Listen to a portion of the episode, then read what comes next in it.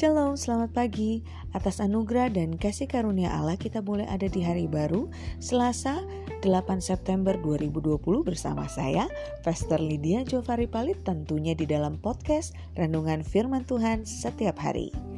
Saudara, renungan firman Tuhan pada pagi hari ini saya beri tema libatkan Tuhan dalam setiap rencanamu terambil di dalam Amsal 19 ayatnya yang ke-21. Banyaklah rancangan di hati manusia, tetapi keputusan Tuhanlah yang terlaksana. Saudara, sebelum kita melakukan segala sesuatu, tentu ada seribu satu rencana dalam benak atau pikiran kita. Langkah demi langkah kita atur begitu rupa supaya hasilnya pun bisa maksimal dan tidak mengecewakan. Untuk itulah setiap orang pasti membuat suatu rancangan terlebih dahulu sebelum ia mengambil keputusan. Karena keputusan yang benar akan menentukan keberhasilan atau tidaknya pencapaian target yang diharapkan. Namun, perlu kita ketahui, seperti dikatakan di dalam ayat tadi, banyaklah rancangan di hati manusia, tetapi keputusan Tuhanlah yang terlaksana. Manusia boleh merancang segala sesuatu menurut keinginannya. Namun, kita harus selalu melibatkan Tuhan dalam setiap rencana kita. Karena apa yang kita rencanakan belum tentu loh sesuai dengan keinginannya Tuhan. Bisa jadi malah justru sebaliknya, bertolak belakang dengan apa yang Tuhan mau.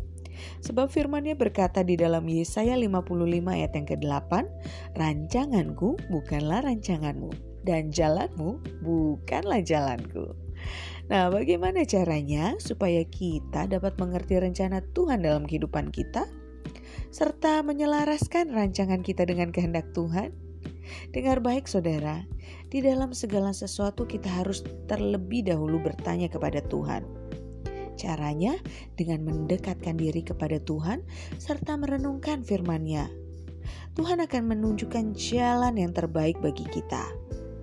Tetapi sering kali tanpa kita sadar, kita sering kali menuruti jalan pikiran kita sendiri daripada menurut kehendaknya Tuhan. Kita merasa diri hebat, kita merasa diri mampu. Namun jika pada akhirnya kita mengalami kegagalan, yang terjadi adalah kita komplain sama Tuhan dengan menyalahkan Tuhan. Ketidak mengikut sertakan Tuhan di dalam setiap rencana kita adalah awal kejatuhan seseorang. Karena hal itu menunjukkan bahwa kita merasa tidak memerlukan Tuhan. Sebaliknya, bagi orang yang selalu mengandalkan Tuhan, Yeremia 17 ayat yang ke-8 mengatakan, ia akan seperti pohon yang ditanam di tepi air, yang merambatkan akar-akarnya ke tepi batang air, dan yang tidak mengalami datangnya panas terik yang daunnya tetap hijau, yang tidak khawatir dalam tahun kering, dan tidak berhenti menghasilkan buah.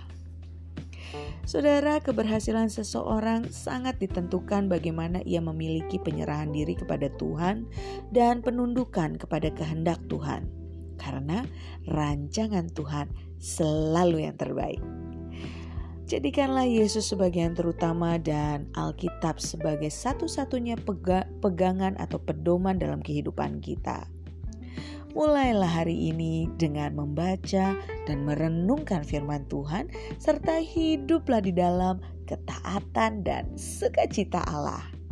Selamat pagi, selamat beraktivitas. Tuhan Yesus memberkati. thank you